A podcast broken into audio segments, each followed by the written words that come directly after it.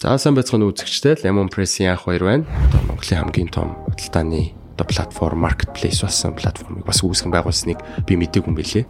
Амжилтанд хүрээд ихсэн чинь энэ тэндээс худалдаж авъя гэдэг саналууд амар хоолж ирсэн. Энэ ядуурл гэдэг чинь ажлын байртай холбоотой байна ээ. Боловсролтой холбоотой байна гэдэг юм их хүн гүнзгий ойлгосон л доо. Цалингийн чинь төлж байгаа юм шиг ерөөсөө чамайг морин нохошгол ажиллуулах сонирхолтой зогсоо зайгүй өдөр чинь шүнжин. Тэгээд тэр хүмүүсээс бас эргээд амар их юм шаардаад идэг. Цалинсаа өгчүүл тэгээд сайн хандлагатай болохгүй юу?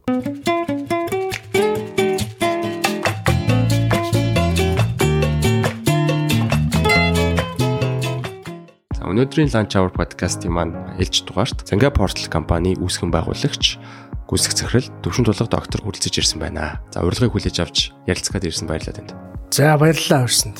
Тэгэхээр өнөөдөр хоёлаа одоо энэ ажил ажлын байр, ажлын байрны зах зээл, боловсрол, за манай залуучуудын одоогийн байгаа ур чадвар хөгжилтэй нэлийн өргөн сэдвэр ярья гэж бодож байна. Энэ маань ч одоо манай сонсогч нарт бас сонирхолтой байх болов. За тэрнээс өмнө а би таны одоо нөгөө бэкграунд нэг оршил танилцуулгыг одоо бас үзэгч нартай хийх нь зөв байхаа гэж бодож байна. Яг уу а та чинь зөвхөн зангагийн үүсгэн байгуулагчаас гадна одоо үнгүү цэг юм байна гэдэг. Одоо Монголын хамгийн том худалдааны одоо платформ marketplace болсон платформыг бас үүсгэн байгуулсныг би мэдээгүй юм билээ. Тэгээд яг нөгөө вебсайтны нөгөө хандлтын тоогоор үнгүү нэгт зангаа одоо 4 5-д те байдаг гэхээр ер нь бол одоо баг интернетийн трафикийг одоо нөгөө урсгалыг атгацсан үнтэй би сууж байгаа юм байна л гэж бодсон. Гэхдээ би таныг нөгөө эдийн засгийн чиглэлээр одоо доктор хийсэн гэж мэднэ. Ер нь эдийн засгийн бэкграундтай хүн гэдгийг мэднэ те. Тэгэхээр яаж явж байгаад ер нь энэ зангаа үнгүүгийн одоо ажил руу орж ирвэ гэдэг түүхийг та нэг 10 жилийн түүхээс ахуулаа те. Хаваалцаач гэж. За би болохоор өөрөө нэгдүгээр 10 жилийг Улаанбаатарт төгссөн. Тооны ангийг тэгээд төгсөөд Америк явсан. Аюутнаар тий. Тэгээд философи сурж агаад дараа нь эдийн засаг сураад тэгээд сүултээ доктор сураа явсан л да. Тэгээд нөгөө оюутан хүн чинь төсөв жаахан муу. Очоод нөгөө хямдхан тавилга тийм ээ хямдхан дугуй спортын бараа эднэр их авдаг байсан л та. Тэгээд тэнд чинь Craigslist гэдэг одоо Америк их мундаг том зарын сайт байгаа. Тийм байн ашигладаг хгүй. Тэгээ бас үнгүү оюутнуудад ашиглагдах амар ер нь тийм арт түмний вебсайт тийм ээ. Ерөөс арт түмдэл тийм үнгүй яац. Тэргээрээ ч халтартай болсон. Маш энгийн. Тэгээд нэг оюутан хүн чинь ирээд э тэгээ бас энэ байр сав дүрээслэгтэй ч юм уу нэг ойр зургийн юм авахгүй дээ дугуй муунаас Монголд ерөөс сонголт байдаг гэсэн. Эсвэл цоошныг маш үнэтэйгээр дэлгүүрээс авна. Э, эсвэл зах руу гарна зах дээр чи нөгөө жаахан хуучин тэгээд бүр жаахан тийм бас найдваргүй одоо тухайн үед дугуйнууд ингээд тий Тэнгүүт л ерөөсөө ийм сайт хийл да гэдэл санаа ах төрж исэн. Тэгээд тэр чинь 2009 онд л доо.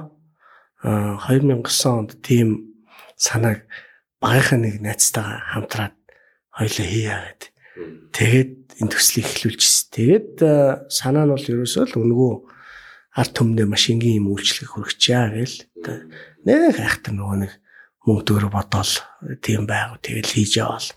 Тэгээ сүулдэ бас сайхан үнэхээр арт түмтэй өрсөн үйлчлэгтэй юм мундаг платформ болж чадсан л да. Тий. За тэгж байгаа та үнгүүцэг юм энийг 2016 онд би зарсан гэж ойлгосон? Exit хийсэн. Тэгээ exit гэж бид нэр яриад байгаа шүү дээ.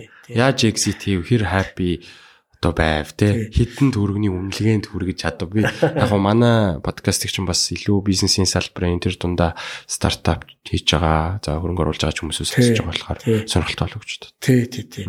За а ер нь манай үгүйт сегмент сайт 9 онд эхлээд 10 хөл дээрээ зогсох гэж бас 5 6 жил явсан. Тэгээ голцоо нэх мөнгө төгрөг олохгүй нэг маш хийхгүй. Тэгээд сүүл рүүгээ маш эрчимжээд ирсэн л дээ. Яга бид нар нөгөө зөвхөн хүнд үнцэн хүрхэл тэ анхаардаг ерөөс мөнгө олохоо нэх ягаагүй хүртэл болгоогүй. Аа тэгээд амжилтанд хүрээд эхэлсэн чинь энэ тэндээс нь худалдаж авъя гэдэг саналууд амар их орж ирсэн. Тий. Тэгэд э, эхний саналуудыг нэг хүлээж аваагүй л дээ. Гэхдээ нэг мөнгө нүндээч зүгээр эн чинь өөрөө ингэж бас амар мөнгө олоод эхэлсэн байхгүй сүүл рүүгээ. За нэг тэг нэг яаран барин заваад яах вэ бас байж яах вэ яах вэ гэдэл тийм ээ. Тэгэд яг тэр үед нь би 10 3 14 онд доктороо дуусгаад тэгээд Дэлхийн банкнд ажиллаж исэн. Тэгээд Дэлхийн банкнд ажиллаж байхдаа энэ ядуу улсууд тэ олон улсын хөгжил гэдэг одоо энэ сэдвэр амар их орсон. Тэгээд ерөөс товчхондоо хэлэхэд энэ ядуурл гэдэг чинь ажлын байртай холбоотой юм байна тийм ээ. Боловсролтой холбоотой юм байна гэдгийг их гүн гүнзгий ойлгосон л доо.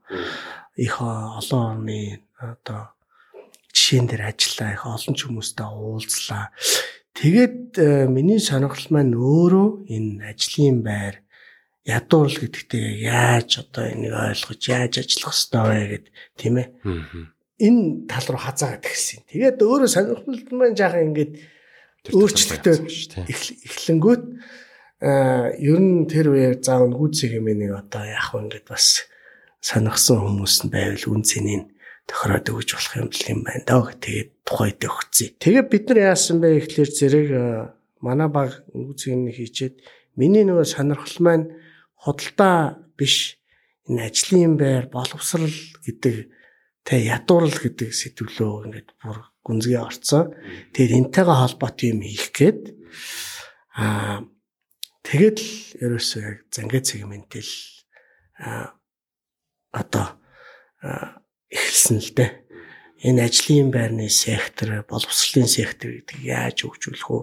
Яаж тий Тэгээд тухайн үед чинь 3 хүнтэй байсан. Одоо манай багч чинь 50 хүнтэй. Тэгээ тий 15 төрлийн төсөл бүтээгдэхүүн хийж байгаа олон нийт зориулсан болон бас байгууллагууд руу чиглэсэн онлайн бүтээгдэхүүнүүд байгаа. Тавчгандаа юмрхүү. За тэгэхээр үнгүүгээс зангаа руу одоо шилжих болсон а зорилго бол юм байна гэж тийм. За одоо тэгвэл зангагийн талаар би бас танаас нэг гол яриа руу орохоос өмнө бас нэг асуулт байсан. Зангаач яг уу одоо энэ ажил олох ажил хүчийг холбож байгаа гол платформ гэж би ойлгож байгаа.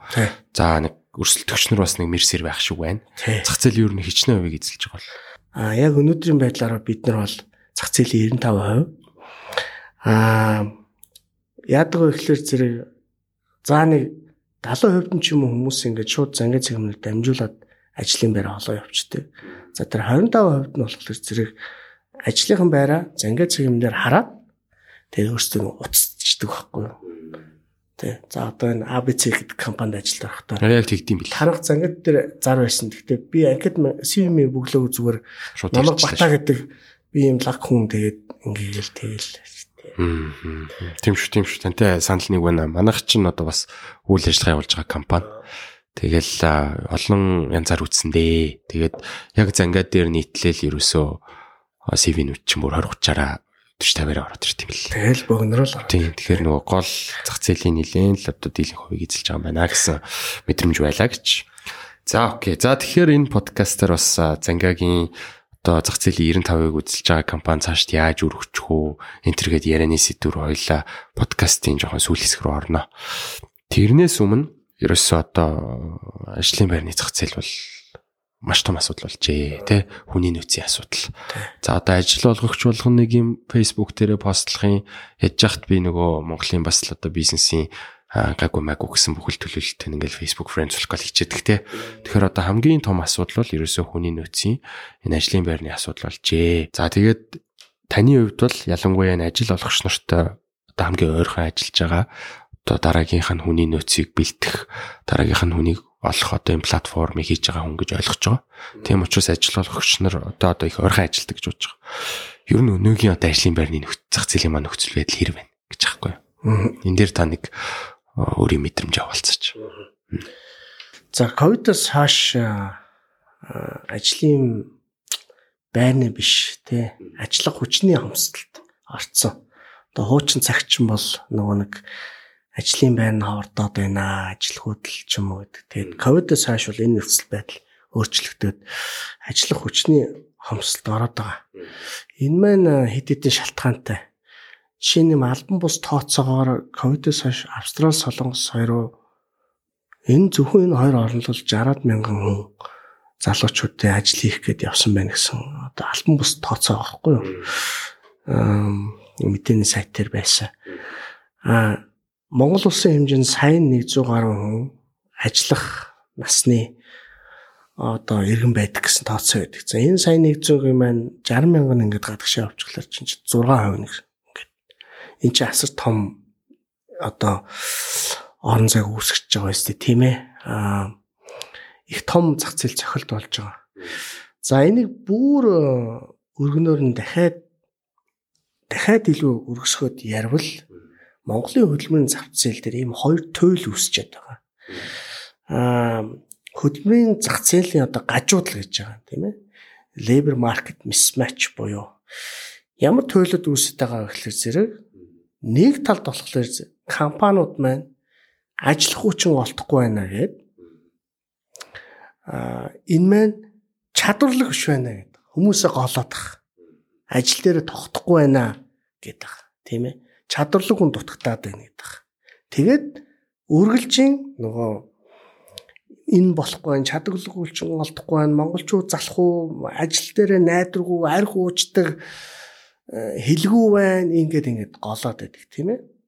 За, нөгөө талд арт түмэн болохоор зэрэг цалин баг байна. Одоо энэ явсан 60 мянган хүнээс асуулт та нар яагаад гэж явж байна? Цалин баг байна. Чи яаж өнөөдөр ийм цалингаар ийм нийгэмд амьдрах юм бэ. Тийм ээ. Уул нэг тэдэн төрний цалин за сая 500 ч юм уу гэдэг. Тэгээ баахан нийгмийн даатгал татвар матвар төлсөөр байгаад аа бүр баг болчдөг. Тэгэд эн чинь өнөөдрийн инфляцтай үед амьдрахад амар боломжгүй. Тийм ээ. Тэгэд энэ хүмүүс чинь болохоор зэрэг үгүй биднээс чадвар нэхэд ах. Тэгвэл өндөр цалин өгчих гэдэг байна шүү дээ. Тэ? Тэ нэг юм хоёр туул өссөн хоорондоо ойлголцож чадахгүй. За тэгэхээр энэ дээр эндээс хоёр маш том юм харагдаж байгаа байхгүй. Нэгд цалингийн хэмжээ өсөх ёстой. Ерөөс. А хоёрд энэ бас цаашгүй ур чадварын хэмжээ өсөх ёстой. Тэ? Цалингийн хэмжээ бол энэ макро төвшнөөс хамаарна. Энэ дээр төр жишээ нь татвараа багасгаж юм уу? Ямар нэгэн байдлаар энэ өсөх ёстой. Компаниуд өөрсдөө бас цалангаа жахан өсөх ёстой. Тэр олон улсын стандартад ойртуулах ч юм уу тийм ээ. Энэ асуудлаас болоод Монгол бол энэ олон төрлийн нийгмийн хямралд орж байгаа. Та хамгийн том хямрал бол ядуурлын хэмжээ. Тэ. Ядуурлын хэмжээ чи одоо яг ядуурлын тоо бол 28% таа байх шиг байна. Ядуу амьдрал гэдэг чинь Дэлхийн банкны одоо тодорхойлолтоор бол өдрийн 2 доллар амьдрах гэж. Өдрийн 7000 доллар одоо тийм амьдрах гэдэг чинь юу гэсэн үг вэ? А гэтэл 28% Монгол улс. Тэгээд дахиад 15% нь байна уу? Ирмэг дээр байгаа. За 7000-д тий. Ирмэг гэдэг маань ингээд 7000 их ойрхон байх гэсэн үг юу? Нэг хэдхэн төрний ялгаатай. Тэнгүүд ингээд бараг 43% нэг тий. Тэгээ энэ асуудал чи энэ эргээд нөгөө нэг ажлын байр тийм ээ хангалттай цалин хангалттай ажлын байр ийм эдийн засаг байна уугүй юу гэдэгтэй шууд холбоотой байна. Бүх дэлхий дээр 200 орн байгаас хөгжилтэй яваа эхний 40 орн бүгд цалин хангалттай ажлын байраар хангаад тэгээд иргэдэн чадварлаг байгаад иргэдтэй хөрөнгө оруулдаг тийм ээ. Тэгээд эн чинь ингээд бие нэг дэмжсэн систем. Ийм юм болоод байгаа. За тэгэхээр шийдэл ер нь юу вэ? Яг уу а хоёлаа ч одоо 11 сарын 23-ны байдлаар ярьж байна 23 оны он гараад нөгөө хөдөлмөрийн хүйсний доод хэмжээг нэг 660 мянган төгрөг лөө болох гэж байгаа мэдээ байсан. За яг хуу сүүл нөгөө хорооны бас гаргасан нөгөө нийгмийн эдийн засгийн байдлын судалгаа гэдэг 10 дугаар сарын байдлаар сая 2 3 хоногийн өмнө гаргасан байсан. Манай багийнхан бас үүн дээр ажилласан. Өрхийн орлогын хэмжээ нэмэгдэж байна тий сарын 1 3 сая төгрөгийг бол одоо ингээд авсан. Энтергээл яг уу сайн мэдээнүүд байгаа боловч яг одоо нөгөө инфляц инфляцтайгаа уяхаар хэмдэл байгаа юм шиг байна. Яг тийм. Тэгэхээр шийдэл одоо яг юу байна гэж юм. За шийдэл болохоор зэрэг эхлээд одоо хоёр асуудал байна шүү дээ. Тийм ээ. Цалингийн төвшин ба аа ур чадрын иргэдийн ур чадрын асуудал гэж байгаа. Цалин нэмээд нэмээд инфляц чи өндөр бол хөдөлთა авах чадвар чи өсөхгүй. Тэгэхээр энэ инфляцаа тогтоож ийж тэр цалингийн нэмэгдлийн тухай ярих нь зүйтэй. Тэгээд бүх газараар хавтгай мөнгө тараачдаг. Бүх юмны үн ингээд уралдаад өсөөтэйвэл цалин яаж нэмээд утгагүй шүү дээ тийм ээ. Сая нөгөө Зимбабвегийн жишээ байгаа шүү дээ. Нэг залуу яваад Зимбабwe руу явсан байна л да тий. Тэгээд тэнд ингээд ийм төгрөг нь Зимбабwe доллар тэрбум доллар гэж шүү дээ. Инфляц нь тийм болцсон. Талах одоо хэдэн тэрбум доллар ч юм тий. Бүр ингээд тэгнүүд нэг яраац доор тийм ээ. Аа тэгэхээр бид нар ингээл хамаагүй ингээл мөнгө тараах ч юм уу тий. Тэгэл нэг юм хин амлалтаар ингээл өсгөөд байх биш а энэ цалингийн хэмжээ нь худалдаа авах чадвартайгаа л дүүж худалдаа авах чадвар л өсөх ёстой тийм ээ. Одоо тэрийг бол өсөхийг бол компаниуд зах зээлийн зарчмаар үнэхээр ажиллах хүчин олдохгүй байгаа юм бол энэ цалингаа өсгөж тийм ээ. Эхний асуудал бол их олон янзын макро орчинд болж байгаа болохоор зэрэг. Шууд оо тэгээд шууд цалин өсчих юм байна. Шууд одоо тийм ээ татвара болгочих юм байна. Ингээд шийтгэд жаахан бэрхшээлүүтэй асуултууд байгаа. Тийм ээ төрийн шийдвэр гэдэг чинь ямар удаан явдаг вүлээ. Хоёрдугаар асуудал нь ур чадварын асуудал. Энийг бол харин богино хугацаанд маш амархан шийдэж болох байхгүй. Хамгийн наадзахын жишээ хэлье. Аа хөгжсөн орнуудад одоо ойл би ийм байдлаар хэлье л та. Олон улсын жишээг нэг ярэ. Тэгээд дараа Монголын нөхцөлийг ярэ. Тэгэд энэ хоёрыг харьцуулаад яавал зүгээр вэ гэдэг те нэг тийм дүр зураг гарч ирж байгаа. Олон улсын жишээн дээр нийт цалингийн фондынхаа хөгжсөн орнууд 5-аас 8%-ийг иргэдийнхэн хөгжилд ажилчдынхаа хөгжилд боловсрал зарцуулж байна. Компаниуд шүү дээ. Тэгэхээр нэг компани одоо 100 сая төгрөгийн цалингийн фондтой гэж бодъё тийм ээ. 100 сая төгрөгийн цалингийн фондтой 2 тэрбум төгрөгийн орлоготой ч юм. За яг 100 сая төгрөгийн цалингийн фонттой компани бол одоо жил 5-аас 8 хөглөөр 5 саяас 8 сая тийм ээ. Ингээд ажилчид байгаа хөгжил зарцуулах хэрэгтэй байхгүй. Тэгжиж энэ ажилтнаа эргээд хөрөнгө оруулах хэрэгтэй. Тийм. Уур чадварыг байнга сайжруулах хэрэгтэй. Аа одоо энэ Галан тийм ээ. Норвег, Солонгос, Япон ингэж явж байна. Аа, манад яаж юм? Яг юм биш. Манад бол бүр 1 хувьч үрдэг. Манад 0.5 хавцаа байдаг байхгүй? Бид нар судалгаа хийсэн. Дунджаар бол тий. Дунджаар 0.5. Тэгэхээр 100 саяын цалингийн фондтэй компани жил 500 мянган төгрөгөл ажилтнуудын боловсрол зарцуулж шít. Аа, нэгд цалингийн чинь төлж байгаа юм шиг ерөөсөө чамайг морь нохоо шиг л ажилуулах сонирхолтой. Зогсоо зайгүй өдөрчин шүнжин. Тэгээд тэр хүмүүсээс бас эргээд амар их юм шаардаад идэг. А гэтэл хөгжиж байгаа орнууд чинь ажилтныгаа бол манай хамгийн чухал капитал тийм ээ. За альва хүний одоо хамгийн чухал ч юм уу капиталыг хүн яадаг тэр тэрийг ингээд гой тордоод ингээд халамжлаа явдаг үст тий. За ингээд хоёулын нэг гой спорт машинтай байна гэж бодъё тий. Оюутан уу. Битэрийн хамгийн үнэтэй идэм байна. Гэтэл энийг яах вэ? Тосыг хизэж салихгүй, дугуйн салихгүй, ямбираар байх үст үргэлж ингээл угааж зарчаал хамгийн гоё э, нөгөө мод апгрейдинг хийгээл тийм ээ. Ингээд ингээд эн чинь хөрөнгө оруулалт. Эргээд эн чинь энэ машин чинь чиний имижийг одоо чиний ингээд зорилгыг биелээд шүү дээ. Гэтэл ажилтан гэдэг бол компани хамгийн том капитал, хамгийн чухал капитал тийм ээ тэр уул уурхаан лиценз тэр юу энэ тэр бол биш ажилтан ажилтан л бүх юм хийж байгаа. Гэтэл эндээ энийгээ ерөөсөө ингэж хөрөнгө оруулахлаар эргээд эн чинь цэцгэлдэг юм гэж ерөөсөө хардггүй те. А бид нар бол дотоодоо жишээ нь ингээд амар их сургалт зохион байгуулдаг энэ үлгэр жишээ болохыг боддог. А үлгэр жишээ болохоос гадна а бид нар яг энэ асуудлыг шийдэх гээд бас зангийн академи гэд байгуулсан. Зангийн академи бүх Монгол иргэд нээлттэй ийм сургалтын платформ дандаа мэрэгжил дэвшлэх 150 төрлийн сургалт байгаа. За энийг манай харилцагч компаниуд ингээд аваад ажилчтай үнгүү ингээд сургаад өвжүүлээд явах. Энэ компаниудад бас асар их нэг хэмнэлт олгож байгаа байхгүй юу? Ойлголоо. За тэгэхээр Занга Актем бол одоо энэ шийдэл рүү хийж байгаа таны хувь нэмэр байна гэж тэ. Аа яг уу энэ дээр би бас нэг зүйл санаанд орчлоо.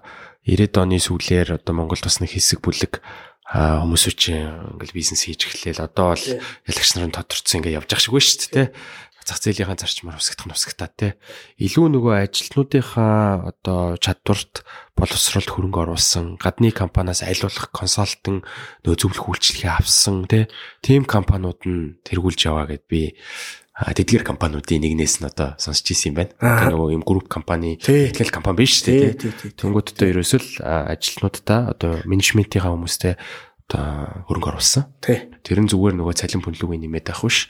Яг сургалт одоо хөгжөлтэй гадаад дотоод руу одоо ялбаар сургаж барьдаг те. Тэгжиж одоо хөгцсөн гэж. Окей. За Занга Academy дээр би зүгээр бас боломж олцсных асуухад Занга яг одоо үндсэн платформ Занга цэг юм нь бол хийж байгаа. За ажиллах хүч нар бол ажил ажиллах хүчийг нь холбоо явж байгаа. За таасаа хэлээ Занга Academy гэж байна. За мөн Занга B2B, Занга аудио, аудио гэл одоо нэг нэлээд бол одоо өөр үндсэн бизнесээс гадуурх одоо бизнесээ өргөжүүлж байгаа бизнесүүд хийж штт те. Энийг ер нь хизэнээс хийж эхлэв. Би бас нэг ороод сонирхоод харахад юмнууд нь үнгүүн бэлээ. Тэгэхээр одоо үнгүү яаж одоо бизнес болгож явж байна те эсвэл одоо цэвэр ашигын бус төсөл гэж харж байгаа мó энэ дээр та нэг танилцуулж. За Занга цэгийн миний хүрээнд бол 15 төрлийн төсөл хийгдэж байгаа. Дээр дурдсан төслүүд бүгд багтаад а нилээд ихэнх нь бас байгууллагууд руу чиглэсэн. Тэд нар бол бас үнэтэй ийм төсүүд байгаа. Нэр бүхий зангийн академи жишээ зангийн аудио хоёр бол үнгүү. За энэ ямар зорилготой төсөл юм бэ гэхэлэр зэрэг нийт Монголын залуучуудыг мэдлэгийг дээшлүүлэх а зорилготой төслүүд 2 жилийн нэгдэд жил гарсан болж байгаа. Гэхдээ 2 жилийн хугацаанд бүтээгдэж ирсэн яг зангийн актем, зангийн аудио хоёрлол бол 2 тэрбум гаруй төгрөг орсон байгаа. Зангийн аудио дээр 350 гаруй ном байна. А 80 мянган сонсогчтой, зангийн дээр 150 гаруй сургалт хичээл байна. Бид нар 50-аад багш тийм ээ. Аа тэгээд маш олон янзын сургалтын төвөдтэй хамтарч энэ контентуудыг бүтээдэг. Тэгээд үнгүү тавьдаг. Аа яагаад вэ гэж байгаа юм тийм ээ? Яаж мөнгө олох юм бэ эн чинь тэгээд э, бид нар ерөөсөө Монголын энэ одоогийн байгаа хоцрогдол ядуурл бол эдийн засгийн ядуурл бол оюуны ядуурлаас эхэлтэй тий. А энэ оюуны ядуурлыг одоо яаж шийдэх вэ тийм ээ? гэдэл өөр өөртөө хэмжээнд шийдэх гэж л үзэж байгаа. Тэгэхээр ингээд заавал нэг тийм сүртэй хувьсгал болоод заавал нэг юм шоконд орж иж тийм ээ. Эсвэл заавал намааг л дарга болгочих. Тэгвэл би энэ улсыг хөгжүүлэе гэж яах юм бэ? Утгагүй зүйл гэж боддог байхгүй дөө. Хүн болгон өөр өөрхөн төвшөнд компани болгон боломжийн хэрээрээ тийм ээ. Ийм сонголтын академинэ залуустай хөгжүүл, залуустай хөрөнгө оруул тийм ээ. Энийг л ерөөсөө зорж байгаа. Залуусын мэдлэгт оюун ухаанд хөрөнгө оруулснаар эргээд нөгөө эдийн засгч одоогийн байгаа эдийн засгч жинхэнэ 10 дахин хөгжин тийм ээ. Манай эдийн засаг бол нэг 11 2 тэрбум дээр гацсан шүү дээ. Тэгээд нааш ч цааш ч. Одоо яг нь нүүрсний худалдаанаас болоод улбаалаад бас жаахан хөдөлж магадгүй. Аа тэгтээ ер нь ингээд шин юм хийдгүү газар дорх баялгаал зардаг. Гэтэл эн чинь эргээд манай ирээдүйн мэдлэгтэй шууд холбоотой. Тэгэхээр би бол энэ компаниудыг зангаа цэгмэн жишээ нь өөрийнхөө хэмжээнд бид нар бол тийм их бүх үндсээр үндэсний хувь танигдсан брэнд ч гэсэн тийм ээ бүр хэдэн их найдаар нь хэдэн зуун саяар нь тэрбум мар нь хийдэг тийм компани биш шүү дээ. А тэгтээ бид нар бол бусад компаниуд бас бид нартай адилхан иргэдтэй залуучуудаа хөнгө оруулаасай гэж бас хүсээд ийм төсөл хэрэгжүүлж эхэлж байгаа юм. Тэгээ зангийн аудио бас энтэй адилхан. За үргэлжлүүлээд асуухад окей, зангийн актем дээр а одоо бол маш олон хэрэглэгч нар одоо үүсцэн байгаа юм байна. Ашиглаад явж байгаа юм байна. Яг би танаас илүү ерөнхий асуухад за ажил олгогч нар ер нь сайн хүнээ алдчихлаа гэлтэй. Сайн хүн олдохгүй байна гэл ярьдаг. Тэгээд одоо бодвол тэр нөгөө ажлаас гараад байгаа дараагийн ажлын байрыг хайгаад байгаа. Одоо бодвол нөгөө өөрийнх нь хөгжилд хөрөнгө оруулахгүй байна. Цалин хангалтгүй байна гэл та сая хоёр шалтгаанд дурж байна. Ер нь ажил олгогч нар хамгийн их алдж байгаа одоо зүйлс юу байна те энэ подкастыг магадгүй ажил олгогч нарын бас төлөөллүүд их сонсож байгаа баг. За ажил олгогч нар Монгол бүртгэлтэй 150 мянган компани байгаа. Яг үндэ энэ 150 мянган компани чи яг бизнес хийдэг нь бол нэг аа итгэвтэй бизнес явуулж байгаа нэг 10 мянган компани байгаа. За энэ 10 мянган чи нэг 10-аас дээш хүнтэй мөнтэй гэдэг ингээд ангилвал эн чинь бүр 5 мянгаар орчин. Тий. Тэгэхээр жил ирэх тусам л энэ тооч ингээд хөөсрөд идэг. Гэхдээ яг үндсэндээ нэг 5 гаруй компани л Монголын эдийн засгийн гэдэг хөдөлгөж байгаа. Тэгэхээр энэ 5000 компани хүний нөөцөд болон захирлууд нь бүгд адилхан зовлонтой байгаа. Энэ ажлын байр дээр хүн орж ирэхгүй байх гэдэг чинь тэр ажил тэр чигээрэл зогсно гэсэн үг. За ажил олгогчд маань бас нэг ийм үг байдаг л да одоо хүний нөөцийн э, нөөцүүд тийм ээ. Үгүй хүндээ хөрөнгө оруулцдаг, хөгжүүлдэг, тэгээс гараа явчихдаг. Яа? Тийм шүү дээ. Хайр хөрөнгө. Хаяа явуул яах. Хаяа явуул яах. Тий. За тэгвэл би эргүүлээд асууя. Тэгвэл хүнээ бити хөгжүүл.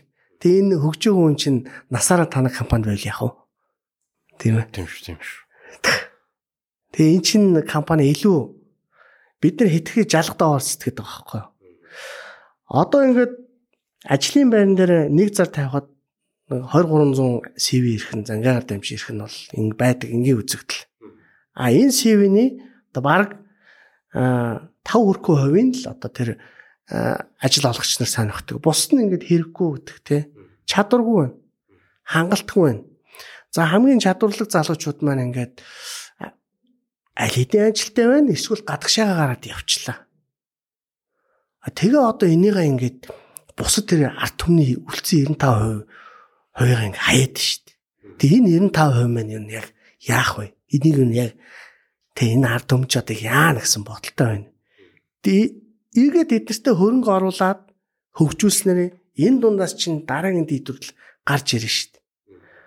А компаниуд маань болохоор хитрхи их ойрын байдлаар шийдэх гээд Эсвэл нэг компанийн чадварлаг хүнийг хулгайлах тийм ээ. А эсвэл одоо ингээд нөгөө гадаад дотоодын мэрэгчлэлтийн гэхлээр үнэн бүр ингээд дийлдэхий хэцүү болоод идэг. Ийм л ойрын шийдэл хараад байхгүй. А гэтэл өнөөдөр бид нар тэр гологдоод байгаа энэ хүмүүс чадахгүй гэдэг энэ гэтэл ажлыг хүсэлтэй хүмүүст тэр чинь тэд нар чинь бас л ажилд ороод өндөр цалин аваад бас л ингээл сайхан амьдрмаар л байна шүү дээ. Энэ хөгжлийн хүмүүсийн хөгжлийг огт бид авч үзэхгүй хаяад байхгүй. Шууд автоматар таалагдахгүй нэ. Аа тэгээ зангийн академи яг энэ зорилгоор зангийн академи бүх нийтэд ингээд энэ боловсралтай болох тийм ээ. Одоо чинь Excel-ийн хичээл манай дээр байгаа. Хүмүүс ингээ орж ирэл Excel мэдхүү бүгд мэднэ гэдэг. Хүний нөөц тэрийг шалгах ямар ч боломж байхгүй. Гэтэл зангийн академиар ороод Excel-ийн хичээлийг үзлээ нэлээд өргөн хэмжээний шалгалтууд байгаа. Ингээд л болоо. Ингээд энэ шийдлийг санал болгож байгаа байхгүй. Тэгэхээр тэр CV-ний чанар нь тэнцэхгүй гээд байгаа энэ одоо 95% буюу энэ тэр маасыга хөгжүүлэхгүйгээр бид нэр ерөөсөө урагшлахгүй гэдгийг л би одоо дахин дахин хэлмээр байгаа. Тэгэхээр энэ ард иргэдтэй хөрөнгө оруулах хэрэгтэй. Тэ? Баян бид нэр тоортох хэвээр. Аа зүгээр харамсалтай нь энийг чи ингээд засаг төрийн бодлого болоод явхлаар хугацаа их ордог тийм ээ. Тэгээд энэ чих удаан явах зүйл. Тийм учраас энд хамгийн ойрхон байгаа одоо хийж чадах хүмүүс бол аж ахуй нэгжүүд л хэвгүй юу. Тэгэхээр аж ахуй нэгжүүд бол өөрсдөө ийшээ маш зөрөгтэй хөрөнгө оруулах хэрэгтэй. За за одоо би танаас нөгөө талаас нь асуумаар байна гэж тий. За яг ажил олгогч нар энэ өнцгөөс юм байна. Ажил хайж байгаа ажиллах хүч ер нь байгууллагуудаас хамгийн дөрөнд юу хүсэж байна те а танахын талаар судалгаа хийсэн үү? Яг гоо битэд бас энэ талаар нэг гадны талин майлан аваад нэг мэдээ болгож ирсэн санагдчих байна. Яг гоо цалин мэдээж чухал. Гэхдээ цалингаас өөр илүү чухал хүчин зүйлүүд байна гэж те. Энд дээр та хаваалцж байна. Тий. Аха.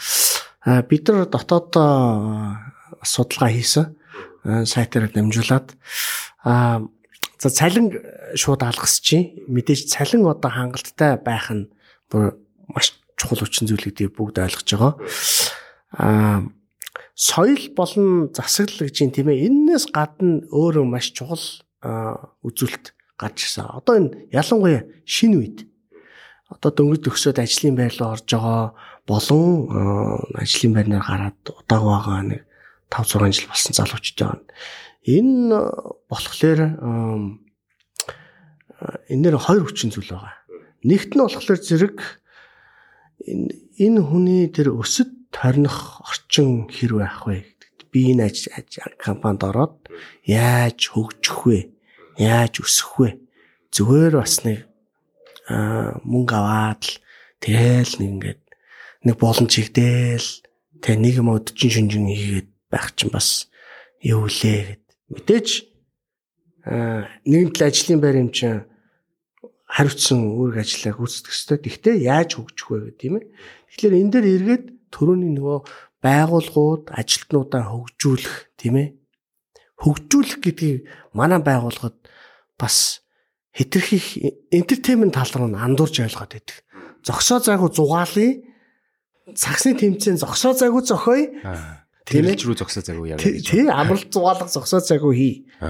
Тий, тийм миний бид зарим компаниуд бол зүгээр л ерөөсөө байнга л тийм тиймний тэмцээн юмний зугаалга юмний уулзалт гэл ингээл за сайн байна. Гэхдээ эн чинь нөө хүний хөгжил гэдэг чинь ондоо шүү дээ. Хөгжил гэдэг чинь ирээд нөө сургалт руугаа энэ хүн ингээд гаднаас юу болж ин шин шин сургалт тэртээ тэргүй ажлын ажил ачаал их байгаа орчинд тэр хүнд бас сурах жаахан мэддэг хөгжих боломжийг олгож өгөх хэрэгтэй тий. Нэгт за Хоёрт болохоор одоогийн залуучууд энэ компани ер нь нийгмийн төлөө юу хийдэг вэ гэдэгт их ач холбогдол өгдөг болсон. А манай компани бол жишээ нь энэ дээр аим нүүр бардам. Манад ажиллаж байгаа бүх энэ залуучууд, дандаа залуучууд зангийн академи, зангийн аудио гэдэг хамгийн том нийгмийн төслүүдийг удирдах хийж байгаа. Боловсрол өнгүүд аим. Бид нар ингээд бүхэл бүтэн улсдаа зориулаад ийм том төсөл хийж шít. Тэгээ энэ ч үнгүй энэ ашигын төлөө биш тийм ээ. Аа тэр мундаг банкуд тэр мундаг уул уурхайн компаниуд тийм ээ. Одоо өнөөдөр сургуулаа төгсөж байгаа хүүхд пөө эднийх яасан их гоё ашигтай юм бэ?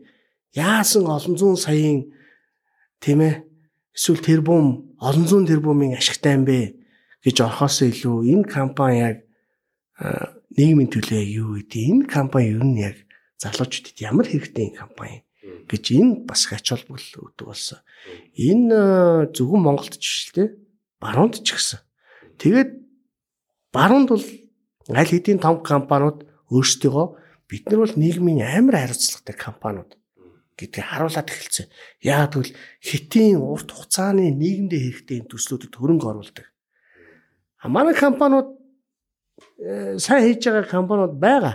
Бүгд бас тийм юу биш. Сөрөг биш.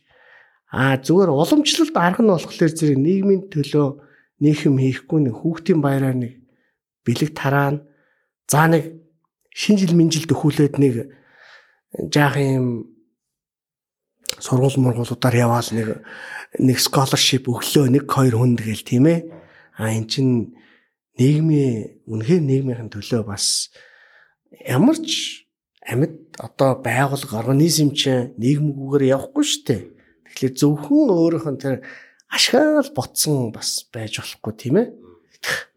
А одоо барууны жишээнээс дуртахад чинь Google гэдэг энэгээр бол одоо тэргүүлж чинь тийм ээ. Тэр Google Books, Google Scholar, Google Wi-Fi эднэр гэл үнгүү тий бид нар амар их ашигтай тэг эргээд бид нар энэ экосистем чи хөгжиж манай бизнес хиттэй яг өнөөдөр биш юм аа хиттэй хөгжих юм байна гэдгийг ойлгоод энэ экосистем бас хамгаалаад хөгжүүлээд биш. А түүнээс зөвх Google зөвхөн л тэр хэдэн аль хэдийн бачцсан эзний ашиг улам л зузаатгыг гэвэл тэр олон номыг орчуулах, тэр олон үнгүү орчуулгыг хийх, тэр олон номыг скан хэдэн зуун хэдэн сая номыг скан хийх хэрэггүй хайчиж болно шүү дээ. А тэрний ачаар өнөөдөр ямар гой гой тэг мэдлэгийн одоо хөгжлийн шинжлэх ухааны юм шин шин төсрэлтүүд эрен бий болж байна. Ийм зүйл дээр ийм зүйлийг Монголын компаниуд одоо илүү анхаарч нэг тийм ойр зуурын хоёрын хооронд хүний нүд туурсан нэг тийм юм хийхгүй илүү ард түмлүүгөө чиглэсэн илүү хэтийг ботсон зүйлүүд рүү бас хөрөнгө оруулж эхлүүл зүв бахаа гэж би бодож байгаа. Энэ энэгээр өөртөө бас залуучуудыг татах хэвээр. Тий. Таны ярьсантай би бүр 100% санал нийлж байна нийгэм рүү хийж байгаа хөрөнгө оруулалт чинь ирээдүйн хэрэглэгч ирээдүйн зах зээлийг бас бий болгож байгаа шүү дээ тийм. Энд дээр яг хуу нэг жишээ би ингээд санаанд ороход банкнууд чинь нэг юм гүйлгээ болгоноос шимтгэл авдаг шүү дээ. Гүйлгээний шимтгэл гээл. Иргэд бол одоо маш дургу. А гэхдээ банкныхан бол одоо яагаад энэ шимтгэлийг бас аваад байгаагаа одоо тайлбарладаг шүү дээ. Өө эн чи одоо ингээд яг хуу нэг дааснаас нөгөө данс руу мөнгө шилжээд байгаа юм шиг одоо наана харагдаад байгаа бол цаана нь бол одоо маш их хөгжүүлэлтүүд хийгдэж байгаа. Маш их одоо нөгөө хөрөнгө оруулалтууд тийшээ хийж байгаа тий. Тэр систем чи одоо банк одоо унахгүйгээр ажиллаж явах хэвээр. Тэгэхээр тэр систем унахгүй байхын тулд бас дахиад илүү зардал гарч байгаа тий. Тэнгүүт одоо банкныхан магадгүй а манай иргэдийн дижитал боловсрол руу жишээ нь хангалттай оруулалт хийгээгүй юм шиг санагдаж байгаа байхгүй. Энд чи яг үндэ үнгүй юм гэж бол байхгүй шүү дээ.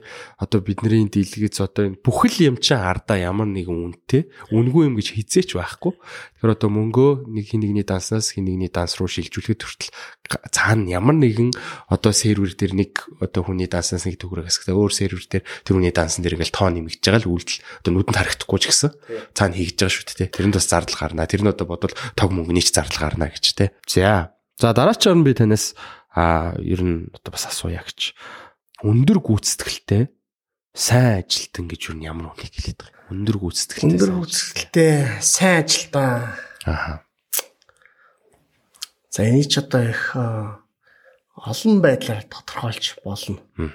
Ер нь сүүлийн үед гүйцэтгэл гэхээсээ илүү сайн ажилтан гэдгийг гүйцэтгэлээр биш хандлагаар тодорхойлдог болсон.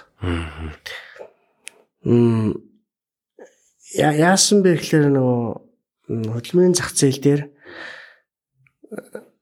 гүйцэтгэл сайтай одоо чадвар сайтай хүмүүс нь амар солигдоод энд сууж яснаа тийшээ явчихдаг. Нэг компани ирээд нөгөө санал тавиа аваа явчихдаг тий. Тэр нөгөө хандлах муутай. Тэ өөрөө болох супер эксперт гэдэг тий. Тэгээд эн чин туушаад ирэхлээр зөвхөн компанид амар өртөгтэй болоод байгаа юм шүү дээ. Нэг сайн хүн амар их мөнгөөр авдаг нөгөөх нь жаахан байж байгаа алга болчихдээ. Яг төсөл дээр бас хандлага гаргаж чаддгүй. Тэрний оронд хандлага сайтай хүнийг аваад тий Одоо хоёулаа нөгөө гүйцэтгэлээс илүү сайн ажилтан ярих гэдэг шүү дээ. Хандлага сайтай бол гүйцэтгэл нь жаахан мууч гисэн хүн сурчдаг, сургаж болдог. Тий. Энийг манайхан тэр чигээр нь алгасаад байгаа ажилт компанид юу өсөж байна? Одоо нөгөө нэг 10 төгрөний цалингаар л одоо Билл Гейтс шиг хүнийг л авах гэдэг шүү дээ ерөөсөө. Тийм ээ. Гэ тийм юу байж болохгүй шүү дээ. А эсвэргээрээ өнөөдрийн өнөөдөр Билл Гейтс шиг биш ч гэсэн маргаан шин Билл Гейтс болох амар олон хүнд хөрөнгө оруулалт та. Тэгээ тэн дундаас нь магадгүй чинь Билл Гейтс гараад ирж шүү дээ, тий? Сайн хандлагатай хүн гэж ямар хүнийг хэлж байна та? сайн хандлагатай хүн гэхэлэр чинь ерөөсөө ажилдаа тэг хоёргүй сэтгэлээр ханддаг. Үнэнч үнэнч л үү гэж байгаа байхгүй. цалинсаа өгчүүлгээд сайн хандлагатай болохгүй юу? Одоо яг нэг юм нөгөө өндөг дахианы асуудал гэж хоёлаа ярьсан шүү дээ. Одоо байнга л одоо ажил болгогч нар ингээл хандлага муу тай байна гэж бүгд ярьж штэ. Нөгөө талаар нь олигтой цалин өгөөгүй яаж одоо хандлага сайн байх гэдэг. Цалин сайгүй шууд хандлага ч сайжир штэ. Аа. Тий. Тэгэхээр цалингаас л юу н хамааралтай. Цалингаас их хамааралтай. Цалингаас их хамааралтай. Тэгэхдээ нөгөө тал нь ур чадвар. Энэ цалин ур чадварыг ерөөсөө орхитуулж болохгүй тусны ярьж ерөөсө болохгүй. Тусны ярихлаар зэрэг ингээд төсөөрөд зөвхөн мөнгөөр явчихдаг байхгүй. Зөвхөн өндөр цалин чухал юм байна. А хэдл өндөр цалинтай э, зөндөө жишээ биш шүү дээ. Нөгөө хандлагагүй. Үнд би өндөр цалинтай өндөр чадвартайгаа хүрээд ирдэг, ажиллаа хийж чадахгүй. Тэ? Тэнгүүчин компаниуд аа энэ ерөөсөө өндөр цалин бас буруу юм биш үү? Тэгвэл ерөөсөн муу цалинтай ингээл хямдхан аавыг л ингээл залгаа буулгачдаг. Тэнгүүд нөгөөдөг дээр нөгөө чадвартай хүн юм. Тэгэхээр эргээд ур чадрын асуудал дахиад энэ цалин ур чадвар орч бас их хоорондоо уялдаатай. Тэрний балансыг л олох чухал байна гэж та. Окей. За дараагийн би танаас асуу гэж бодсон. Яг уу ажлын байрны зах зээл дээр энэ хүүсийн тэгш бус байдал гэдэг зүйл их одоо чухал асуудал боллоо. Аа За хүүсийн тэгш бус байдал гэхээр манай одоо сонсогч нараас гайхчих магадгүй. Миний бодлоор бол бүр эрэгтэйчүүд хитрхийн нөгөө эмэгтэйчүүд одоо ажлын байрны зах зээл дээр илүү чадвартай болчихсон те. Эрэгтэй одоо баг ажил хийх хүн олдохгүй шахуу ийм тэгш бус байдал ингээд анзаарэгдэад байгаа байхгүй. За одоо манайх ажлын байрны зар тавихаар одоо а баг ирж байгаа CV-ний нэг 70 80% нэмэгтэй тий. Эрэгтэй залуучууд маань юусэн ажлыг сонирхолгүй болоод байгаа мó. За энэ маань нөгөө боловсролынхаа суур асуудалтайж уягжл байгаа хот их сургуулийн нийт оюутнуудын мүйсийн хлав тийм байсан 10 оюутан тутмын 7 нэмэгтэй 3 нэрхтэй тий. Энэ танаа платформ дээр ажиглагдаж байна уу гэж асуух гэсэн юм. Аа манай платформ дээр бол их ойролцоо яваа Тэгэхээр бас танаа нөхцөлтийг заалсан ажлын байртайгаа холбоотой гэж магадгүй. Тэгвэл эмэгтэй хүмүүс ер нь Монголд бол энэ эмэгтэйчүүдийн нөгөө их их хаягдцсан эмэгтэйчүүдийн өсөх бож боломж ер нь их орхигдсан асуудал шүү дээ. Аа тэгээд энэ эмэгтэйчүүдтэйгээ бид нэр ерөөсөө орхих битийл баг эрэгтэйчүүдээсээ те тутгааргүй ч юм уу эсвэл илүү хөгжүүлэх ёстой. Тэг яг түл эмгтэн хүн гэдэг чинь улс орны тал нь тий улс орныхаа талыг ингээд хайчглаар зэрэг тэгэд юу яаж хөгжих үү тийм ээ. Тэгэхээр энэ зүгээр эмгтээчүүд зарим тохиолдолд ихсээд байна гэдэг чинь ерөөсөн муу биш. Би бол харин сайн үзүүлэлт дэмжмээр үзүүлэлт гэж бодож байгаа. Яагаад вэ гэхээр Монголд жишээ нь одоо энэ саллаа хүүхдээ боллоо гэр бүл салалт ч юм уу те энэ асуудал дээр нэг тийм зөв шийдэл байдгүй. Тэгэхээр зэрэг тийм асар их салсан гэр бүлтэй мөртлөө нөгөө нэг хүүхдүүд нээжтэйгээ үлдэх ч юм уу тийм ээ.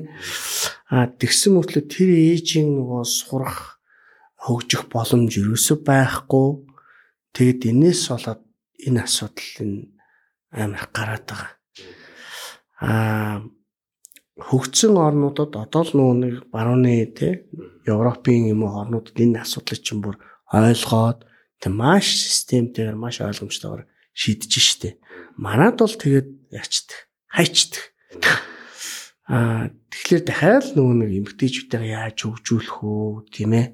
Аа энэ асуудлууд гарч ирээд байгаа. Магадгүй тэр эрэгтэй хүмүүсийн ажлын байр дээр багаага чинь бас улилын юутай холбоотой байж болно. А нөгөө талаар нөгөө гадагшаа явж байгаа хүмүүс чинь дандаа эрэгтэй хүмүүс байгаа шүү дээ. Тий. Эрэгтэй хүмүүс илүү гадагшаа явж ажил хэрэгж байгаа гэж тий. Дандаа нөгөө жаахан биеийн хүчний тий. Тэр Австрал солонгос бол дандаа байрлал нураах гэж байгаа. Тий. Эрэгтэй давмаалаад байгаа. Зарим эмэгтэйчүүд бас явж байгаа тий. За бас нэгэнт одоо нөх хүүсийн одоо рүү орсных би танаас бас асуу гэж бодож байсан а занга гэдэг нэр биш шүү дээ. Тий. За зангааг үл ер нь голцоо эрэгтэй хүмүүсүүд өмсч одоо таарж байгаа. Би олон хүнээс бас занга гэдэг нэр чи одоо ямар хүүсийн мэдрэмжгүй нэр вэ гэл тухайн үед нөр брэнд болж явах үед бас их ярьж исэн санагдаж байна. А энэ дээр ер нь та юу гэж боддیں۔ Энд чи их нарийн тайлбартай. Их нарийн шалтгаантай. аа альва нийгмийн үндсэн суурь бол ажлын байр. Суурь тогтолцоо ажлын байр байдаг тийм ээ. Ерөөсөө ажилгүйдэлтэй, ихтэй, архиталт ихтэй, ядуурлал ихтэй бол тэр нийгэм ингээ буруу явж байгаа гэсэн үг тийм ээ. За, энийг хоёлоо тогтооч. Ажлын байр. Зэ тий, ажлын байр, нийгмийн суурь. За, хоёрт нь нэг юм үг байдгийг. Аа, анх Тэмүүжин хамаг Монголыг нэгтгэх гээд явж исэн. Тэгэд Тэмүүжин ч мэрэгттэй байлчаад байлдчаад тойрол хантаа нийлээд жамхтай нийлээд мэрэгттэй байлдчаад тэгээд буцаж явж агаад тэгээд тэр тэр чинь жамхтай муудалцдээ Тэмүүжин ч. Тэгээд жамхч нэг үг хэлтгээ голд шахаж буй те ханчин хурагчанд хаал болог уулан шахаж буй. Адууч нь хөрчин гэр болог гэдэгс чи тэмүүжин ээжээс асуудаг би энэ үгээ ухаад ухаад ойлгохгүй нь юу гэсэн үг вэ гэсэн чи бүртээ ордоор нь орж ирээд жамуу ханд ойдомт хавилаа салъя гэж юм гэд тэгээд салдаг байхгүй юу за би тавчилчээ салаад энэс хойш тэмүүжин өөртөө амар их олон тэ отог одоо ийм тархаа бутархаа монголчуудыг нийлүүлээд эхэлдэг.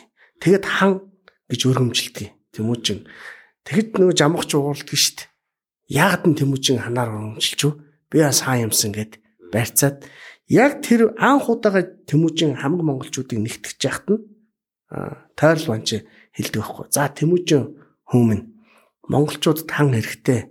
Чи улсаа зангаа мэд нэгтгэж авч яваарай тэ. Аа зүг зүг зүг. Тэр нь тэр үед одоо занга манга гэж занга гэдэг чинь ийм биш байхгүй. Энэ нөгөө зүүдэг юм биш. Занга гэдэг чинь бүх юмны тогтолцоог нь барьж байдаг энэ хүчин зүйлийг хэлээд байхгүй. Аа зүг зүг зүг. Тэгээ Тэмүүчин чи улсынхан зангаа нь эв энэ болоорой. Бүх юмыг нийлүүлдэг ийм болоорой гэдэг шүү дээ зангааг бид гастгаар төсөөлөд энэ гэхдээ зангаа гэдэг чинь ингэдэг нэг ив хүчийг аливаа системийг тогтоогч нь баггүй. Тэгэхээр зангаа маань өөрөө ажлын байрны одоо платформ тийм ээ. Ажлын байр бол аливаа нийгмийн үндэс суурь. Тэгэхээр бүх нийгмийн энэ тогтолцоог барьж байгаа энэ хамгийн чухал асуудлыг бид нэр одоо шийдэхин төлөө явж байгаа болохоор зангаа гэж ингэж тий университет ийм үгэн дээр тоглолт бас хийсэн биз дээ. Би энэ юг анх удаа сонсч та энэ тэнд юу н ярьж явж байгаа биз дээ. Гэхдээ нэх яриаггүй. Ер нь анхдаа л энэ дээр ярьж байна тий. Аа зүг зүг. Гэтэ хүмүүс яг фэйсбүүкээр бичдэг байхгүй энэ ямар тий гендрийн ямар ямар юм гэд тэгээд яг тэр болгон дээр чи фэйсбүүк дээр хэрүүлэх ч бас хэцүү шүү дээ жаахан тэгээд. Аа зүг. Заах байх нэг нэг хэлэх мөч нь олдох бах тэр үед нь хэлье гэл тэгэл хайсан байна. Аа зүг зүг зүг зүг. Аа тэгэхээр нэрэн дээр тоглолт хийгээд ер нь бол одоо зангаа гэж нэрсэн. Яг уу одоо ч гэхдээ одоо зах зээл ер нь хүлэн зөвшөөрчтэй. Тэгэл хаасаа үйл байдаг болсон байна те. Болголоо. За дараачаар нь би яг уу зангагийн ер нь цааш даасан хараа юу байна те. Зангаатай холбоотой яриагаа ер нь дуусгах тал руу хандуулах. Зангагийн алсын хараа бол ерөөсөө л монголчуудын энэ ажлын байрны аа тэгээ энэ хөгжлийн энэ ядуурлын энэ асуудлыг шийдэхэд л одоо хам хүчээд ажиллаж ажиллахад одоо оршиж байгаа. Аа Гэхдээ бидний амбиц магадгүй зориг хэтэрхий том байж болно тий. А өнөөдөр бид зангийн академиар дамжуулаад 170 мянган хүнд онлайнаар чадварын хичээлүүд үнгүй орж байна. Манай зангийн цэгийн дээр 850 мянган бүртгэлтэй хэрэглэгчд байна. Аа түрүүний нөгөө ярьсан тий компаниуд маань ингээ голоод байдаг чадваргүй гэдэг энэ хүмүүсээ энэ одоо нийт ард түмнээ яаж хөгжүүлэх вэ яаж боловсралтай болох вэ за эргээд компаниудаа тэр хүсэж байгаа чадвартай хүмүүсүүдийг нийлүүлчихвэл энэ компаниуд маань эргээд өснө. Энэ замаар л бид нар ядуурлаас гарыг тийм ээ. Энэ энэ их олон хавтгаарсан архитэлт тийм ээ. Энэ их олон халамжийг болоод бүгд ингээд хангалттай цалинтай ажлын байртай ийм л одоо нийгмийг болохын төлөө бид нэр зорж байгаа юм. А энэ ажлыг хийхин төлөө хамгийн том томоор хөдөлж хамгийн далаацтай явж байгаа нь өнөөдөр манах байна. Гэхдээ бид нар бол нэг улсын асуудлыг ганцаараа шийднэ гэж байхгүй. Харин энэний төлөө бид нартай хамтраад ч юм уу, бие дагаад ч юм уу, бусад олон зуун компаниуд, олон мянган компаниуд нэгдэж энэ монголчуудынхаа ур чадварыг яаж хөгжүүлэх вэ? Энэ ядуулаас бид нар яаж гарах вэ гэдэг энэний төлөө бас санаа зовж ажилласаа. Зөвхөн өнөөдөр маргаашийн ашгаа хиттэйхэн нугалахын төлөө э, тийм ээ бүх зүйлээ зориулахгүйгээр давхар давхар энэ ирээдүйн асуудлаа бодож ажилласаа гэдгийг л бас хөсөж ийшээгаа бас уриалан дуутгач бид нар бас энэ төслүүдийг хийж байгаа. Та түрүү хэлжсэн 15 төсөл гээд яг бид нар бол заримыг нь мэдээд байна. Аа занга B2B, занга аудио өөр ямар одоо төслүүд байгаа вэ? Нууцвшвал те. Аа нэг хайхтар за яг заримуд нь яг бас хөгжлийн яг одоо зарлагдаагаа удахгүй зарлагддаг гэдэг манай хэрэглэгчтэй байна. А заримуд нь ганц хоёр ил болснууд нь бол занга одоо тест гэж удахгүй гарна. За занга тест бол ингээд Францын компанитай хамтраад одоо ажилтны чадамжийг EQ, IQ гэдэг шууд тодорхойлох ийм бүтээгдэхүүн хийж байгаа. Та чинь шууд шалгалт өгөхөд Таны бүх чадварыг ингээд тэг чинь 20 хэдэн үзүүлэлтээр нөгөө гаргаад байна. Энэ үн дэм энэ дэм энэ дэм энэ дэм.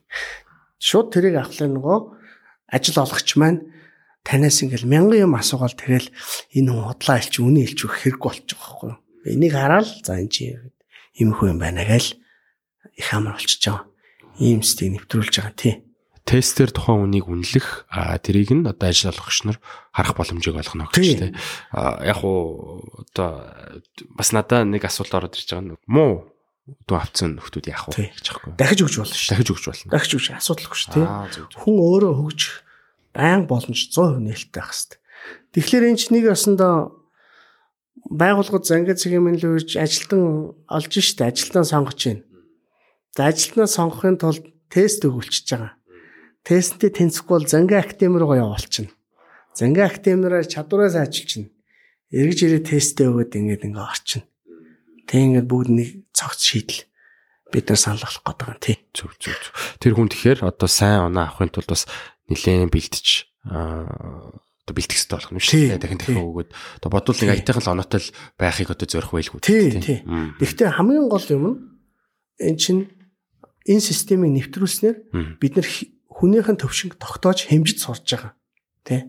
За нэг бата гэдэг хүн ирдэг. За энэ нэг ийм хүн байна да би ярьсан надаа тийм санагдсан биш. Шинэ олон улсын хамгийн сүүлийн олон улсын стандартаар тэний төвшинг тогтоогдож байгаа.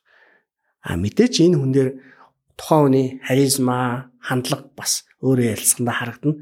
Гэхдээ энэ юм чинь тогтоогод өгнө гэдэг чинь зүгээр нэг асуугаал чи ажилдаа хэрсэн амар сайн За саяхан та Facebook дээр нэг битсэн байсан. Аа та солонгос тавьжсэн тий. Солонгос солонгос бид нэр хүний нөөцийн хорлоор явчихад ирсэн. Аа солонгосын хөгжлийг ажиглалаа. Ер нь яагаад бид нар таг зогссон юм болоо? Их гайхаж байна тий. Толгой мөнгө баялаг боломж одоо бүгд байна. Гэтэл одоо хүртэл одоо Монголоо одоо таг байна. Тэгээ Монголоо яаж юм болох вэ гэд тий. Тэрний хариултыг ер нь олж гин үү? Тэрний хариултыг эргцүүлэнгүй бичсэн байсан шүү дээ тий. Тий. Энэ асуудлыг бид нар бол сайн ойлгохгүй байна гэж бодод байгаа. Яг яагаад төгсөхгүй байгаа тийм ээ? Яг яагаад эн чинь их тийм энгийн асуулт байгаа. Солонгосын газар нутаг Монголоос 16 дахин жижиг. 99 мянган метр квадрат шүү дээ. Манайх 1.5 баг 5 сая 1.1.57 сая 1.57 сая 16 дахин том. Улаанбаатар 1.6 сая хүн байгаа. Солонгост Соулд 10 сая хүн амьдарч байна. Би тэнд нэг 10 гаруй хонохдоо яг төвжлийн цагаар бүр бүх машин гурамжинд нь гараа зогссон юм шиг бүр. 5 игнээл ингээд яасан. Тэгвэл 5-аас 8 цагийн хооронд 20 км явхад цаг л явж байгаа байхгүй. Тэгэхэд манад 1 км 2-оос 3 цаг явж штэ тийм ээ. Яагаад? Тэ. Тэгэхээр одоо чинь би танаас асуумаар юм л Тэр комментэн дээр бол энэ намаас болсон, тэр намаас болсон, тэр муу хулгайчаас ингээд ингээд ингээд тийм ээ. Хүмүүс амар юм өнгөц хариулттай байхгүй юу? Эднэр бол хариулт биш эднэр чи өнгөц анзаарснаа л бичиж байгаа. Яагаад те? Энэ асуудлыг бид нэр ойлгох чадвал үн дээр хөгжилт бас их ойртож эхэлнэ. Бид би бол ойлгохгүй л яваад байна гэж бодож байгаа. Та зүгээр юугаа хуваалцж болно. За миний бодлоор бол яг хуу тэгэл боловсролын хямрал байна. Одоо суур боловсролын тий. За суур боловсролын гэдэг нь зөвхөн одоо нөө хичээл яг хичээл номын боловсрол орж байгаа. За мөн энэ нэг хамтдаа нэг суурин одоо иргэншил одоо нийгмийг бүтээж их одоо нийгэмшлийн боловсрал бас жоохон дутж байна тий. Бид нар ч нөгөө одоо нүдэлж арт хүн байсан ерөөдөө нөгөө хамтаараа хамтдаа нэг нийгэм болж одоо амьдрах аж төрөх соёлд сүулт суралцж байгаа юм байна гэж л хардсан шүү дээ. Яг олон л проблем л байна л да. За мэдээж тэгээ нөгөө авилгал бас байгаа байх. Тэ. Буруу буруу одоо шийдвэрүүд нийлбэрл одоо явж шít. За Монгол хүний бас онцлог бас байгаа юм шиг байгаа юм тий. Олон л юм байгаа. Та юу гэж удаа харддаг. Энэ асуултыг ойлгохын тулд эхлээд аа бид нар тэр Facebook дээр байгаа хүмүүсийн статистикийг ойлгох хэрэгтэй. Facebook дээр ингээд хамгийн их нөгөө гомдлж байгаа хүмүүс биш үү те. Аа энэ хүмүүс маань нийт хүн аммаахан хэдэн хувь нь вэ? Тийм ээ. Аа тэгэхээр би бол тийм ихэнх нь гэж бодохгүй байгаа юм. Энд чи өөрөө юу гэсэн үг вэ гэхлээр зэрэг хамгийн их одоо бачимдаад байгаа хүмүүст нь бичдэг тийм тооцоо байдаг л да. Аа нэх бачимдахгүй бол нэх бичихгүй те. Одоо ингээд та ингээд юм болгоны доор очиод тийм ээ. Нэг комент бичиж байдаг үст те. Аа харчаал өнгөрчин. Тэг бичиж байгаа хүмүүс нь хамгийн их бухимдсан хүмүүс аахгүй. А гэтэл эн чинь амар нийгмийн цөөнх болоод байгаа байхгүй юу? Тэ. Нийгмийн онлох нь олонх нь ягаад гомдлохгүй байна? Гэхдээ бид нар өнөөдөр амар муухай нийгэмд амьдарч шít. Хитрхи тайван байхгүй юу? За яах? За утаатай.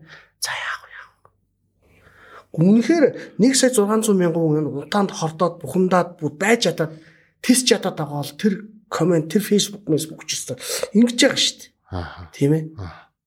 Гэтэл ихэнх нь тэхгүй байгаа хэвээр төгжрөл биш шүү дээ. Тэгвэл бүгд одоо хэцүү байна, хэцүү байна зовж гин зовж гин. Гэхдээ нэг бухимдлаа тэгж илэрхийлэх төвшөнд ерөөсөн очоогүй ч юм уу манайхан хитрхи тайван ч юм уу тийм ээ. А тайван болохоор бид нар чинь бас нэг юм за яах вэ? Тэг болох байлгүй гэдэг ингээд тийм ээ. Тэгэхээр энэ энэ хандлага нөгөө нэг сүх талаад л үхэр амар гэж те. Бид нар одоо хэдийн удаа ингэж бас одоо хортох ч юм уу түүчих ч юм уу ёстой юм бэ? Заавал бүр ингэж бүр бол бүх юм болохоо байхлаа л зэрэг за энэ шат арай дэнлээ шүү гэх юм. Тэгэхээр энийг чинь бид яг ууржилж хараад тэр энд энд бас би энийг зүгээр хамгийн гол асуудал гэж бодохгүй байна. Энд бас их учир байгаа юм бол манайх их тайван хүмүүс юм болов гэж би бас бодоод байгаа. Тэрнтэй жаахан одоо тийм ээ. Тэгэхээр хэрвээ би буруу яриад манайхан тайван биш байгаа бол бид нар илүү жаахан итгэвтэй энэ төвчрлийнхаа эсрэг дуурдаг ч юм уу энэ одоо утааныхаа эсрэг тийм ээ энийг засъя л та тийм ээ энэ ажлын байрны асуудал энийг төр идэвхтэй оролцъё л та тинх ёстой гэж бод. Иргэн бүр оролцох ёстой. Миний нөгөө түрүүний жишээ нь занга актим занга цагийн минь нэсэн. Бид нар өөрсдөө хэмжээнд чадах юмараа хийж байгаа. Би бол энэгээр нэг дэлхийн ертөнцийг өөрчлөөл те ийм зориг тавиагүй компани болгон, иргэн болгон яг ингээд өөрсдөө нь чадах хэмжээнд өөрсдөө нь чадах зүйлийг хөгжлийн төлөө хийвэл энэ усч өгч байна. Бүх юм одоо буруутай хайгаад явбал эн чинь болохгүй шүү дээ. За яг хуу зарим жишээн дээр тэгээд төрийн буруу байгаа. Төр засгийн тийм ээ. Магадгүй ихэнх жишээн дээр ч юм уу. Гэтэл ягаад эн чинь давтагдаад байна? Хүмүүс тоохгүй л байхгүй. За яг болно гэсэн. Гэтэл бид нар илүү жаахан итгэвтэй байж иж энэ асуудал засагдах болов. А энийг засахын тулд засна гэхлээр хүмүүс заавал нэг ингээл нэг ховсгал болоод нэг туг мандуулаад тийм ээ. Тэгэхгүй хүм болгон боловсралтай болцгоё. Оюундаа хөрөнгө оруулъя. Зөв амьдрий. Биевиндээ хүндэлтэй хандъя ч юм уу тийм ээ. Ингээд эргэн тойрноос л эхлэх эхлэх ёстой гэж бодоод байгаа байхгүй. А компани болгон ажилтнаа хөрөнгө оруулъя. Гэхдээ нэг компаниг заавал чи явж уусаа хөгжүүлгээд байх нь утгагүй шүү дээ. Чи их баян юм байна. Гэхдээ тэр компани ядаж тэр компанийн ажилчдыг л бүр бүтэлийн хэмжээнд болно хөгжүүлэх тийм ээ. Уртгаа сайн ухаач тийм тийм. Аа. Тэгээ өөр мэдээж олон асуудлууд байгаа. Хандлага ер нь өөрчлөё гэж те. Энэ дээр бас би нэг сонирхолтой түүх малцгаад аа манайхын ингээл авилгал амар их байна гэж бүгд ярьдаг шүү дээ. Нөгөө дэвчүүл ерөөсөө ууж идэл болохоо байлаа гэл. Хэсэ ирнэ өөрсдөө бүр авилгалд байн оролцсон юм байл шүү дээ. Одоо тэр гадаад пассвортаа захих те жолооны үнэмлэхээ авах одоо замын одоо согтуугаар жолоо барих тэгээд одоо баригдвал нөгөө цаг тамагтаада одоо нөгөө 9 шидийн өгөхгүй л үздэг юм байл. Тэгэхээр өөрсдөөсөө нэгтгүү хариуцлага нөгөө бусдаас амар их нэгтэг. Тэгэхээр өөрсдөө яг л адилхан алдааг ингээл арай жоохон жижиг төвшинл гаргаал явж идэг болохоос шүү дээ. Тэгэхээр яг өөрөө өөрөөсөө л эхлэх хэрэгтэй баг л та. Тий, энэ дээр би нэг юм нэмэт хэлэхэд харин залуучууд бол өстой маш гоё болж байгаа юм билэ. Ер нь бол зарим багцаал бол 90-ад оноос хойш ч юм уу 2000 оноод тий зэн шийд нэр эксит нэр яриад ш тий эдгээр маань хамаагүй соёлтой хамаагүй юм нээлттэй их гоё хүмүүс болж ингээд бас нийгэмдээ орж байгаад нь би их баяртай байгаа. Тэгэхээр нөгөө нэг хахуул махуул гэдэг чинь л одоо нөгөө бидний үеийн л хөөрхийн нөгөө нөгөө 80 90-ад оны үеийн те тэгээд ингээд нөгөө систем нь амар эмх замбраагүй ажил ингэж явдаг лгээ ойлгоцсон. Тэгэл тэрүүгээр ингээд явуулах гэдэг. Тэгэхээр ингээд таймлаад базаад хэлэхэд өөрчлөлтийг нөгөө өөрөөсөө хэд нэг нэг үг яваад байдсан шүү дээ тий. Юм хийхэд заавал ингээд улсын дайтай шийдэл бол оролцохгүй гэхгүй. Өөрөө л шүлсээ битээ ерөөсөө өөрөө л өөрөө өөрөх нь толгойд хөрөнгө оруулалтаа. Тийм ээ? За англи сурахад зангийн академид үнгүй англи хэл байна. Тэгээ сурч л та. Заавал нэг газар очиод төгжиж очиод сард 4 500 мянган төгрөг төлөөл танхим цугаал бичиж аваал байх албагүй. Үнгүү ингээд яг өөрийнхөө англи хэлтэй болгочвол үнгүү боломж биш шүү дээ. О тэгэд намайг англи хэлтэй болгосонгүйгээд төр засаг буруу гэхэд ингээд бас байж болохгүй шүү дээ тий. Боломжуудаа ашиглах ёстой шүү дээ тий. Арчсан нийгмийн одоо тэрлэг шүү дээ. За окей. За дараач орно би танаас ер нь хувийн яг хуу манайх чинь а одоо Lemon Press гэдэг илүү санхүү бизнес тал руугаа одоо мэдээ хүргэхийг зорддог. А манай уншигч нарын санхүүгийн боловсрол бол одоо нэг чухал тийм аль болох одоо санхүүгийн боловсролыг нэмэгдүүлэхэд хувь нэмрээ оруулахыг зорддог. Тэгээ би одоо подкастт орж байгаа хүмүүсүүдээс асууж эхлэдэг байгаа нь. Аа за. Хувийн санхүү хөрөнгө оруулалтын ямар философи баримталж байна гэж тийм. А та одоо ийш тийш хөрөнгө оруулж байна уу? Компани руу хөрөнгө оруулж байна уу? Эсвэл одоо хавцаа мөвцөө авдаг юм уу те? Тэр тал дээр тавалцаж. За хоримтлал үүсгэж э, чадчихвэл э, би бол хавьдаа ийм э, хөрөнгө оруулалтын зарчим баримталдаг. Одоо 33 33 33 тий. Аа үйл хөдлөх хөрөнгө хавцаа тэгээд хүүтэй хадгаламж. Аа тэгээ энэ ч бас их тийм нийтлэг юм л да аа үйл хөдлөх бол ойлгомжтой байх тийм ээ. Аа ховцоо бол бас өсөх боломжтой байдаг. Гэхдээ бүх өндгөө нөгөө тийшээ хийчихлэр зэрэг одоо дими байдаг. А Монголд нөгөө хүн өндөр болохоор хүүтэй хадгаламж бас их зүгээр байдаг. Тэгээд нөгөө бэлэн мөнгө байх чинь тэгээд инфляцтай болохоор дими те. А Америкт бол жишээ нь үл хөлөх хөрөнгө дандаа зээлээр аваад тэр хүн их бага болохоор сүүлийн 2 жилд хүү амар өссөн. Жилийн 7 8 болоод а ер нь тэрнээс өмнө ковидээс өмнө 23 л байдаг гэсэн байхгүй. Тэгэхээр зэрэг жилийн 2 3% хүүтэй бол тэр чинь юу штэ. А тэр мөнгийг төлөөд яхахын тэгэл хөө бага юм чи байлгаж исэн дэр тийм ээ. А одоо мараа нөгөө ипотекийн зээл гээд бас хүмүүст боломж олгоод байгаа. Тэг сүүлийн үдс жаахан зогссон юм шиг үлээ тий. Та удахгүй тэгээд а яах нь явах нь харъя. Жишээ нь ийм баг хүтэйгээр зээл олж чадчихвал тэр зээлээ яачих хэрэгтэй. Авчих хэрэгтэй. А өндөр тэр 20 морин хувийн хүүтэй бол шууд аль болох хурдан дарах хэрэгтэй. Тайл болох хурдан дарах хэрэгтэй өндөр хүүтэй бол. Зээлийн хурдан дараач гэжтэй. Аль болох зээлх болооч гэжтэй. Өндөр өндөр хүүтэй. Өндөр хүүтэй бол тий. Америк солонгос ч нөгөө иргэд кредит картны асрах өндөр хүүтэй байдаг. Тэг өөртөө байдаг. Кредит картны чи хөө нөгөө 22%. Тэг 20 22 55 эхэлчихдэг байхгүй. Тэг энэгээр чи нөгөө Америкийн банкуд, солонгосын банкуд чинь мөнгө хийдэг. Нөгөө сайлын үнэ нь тий.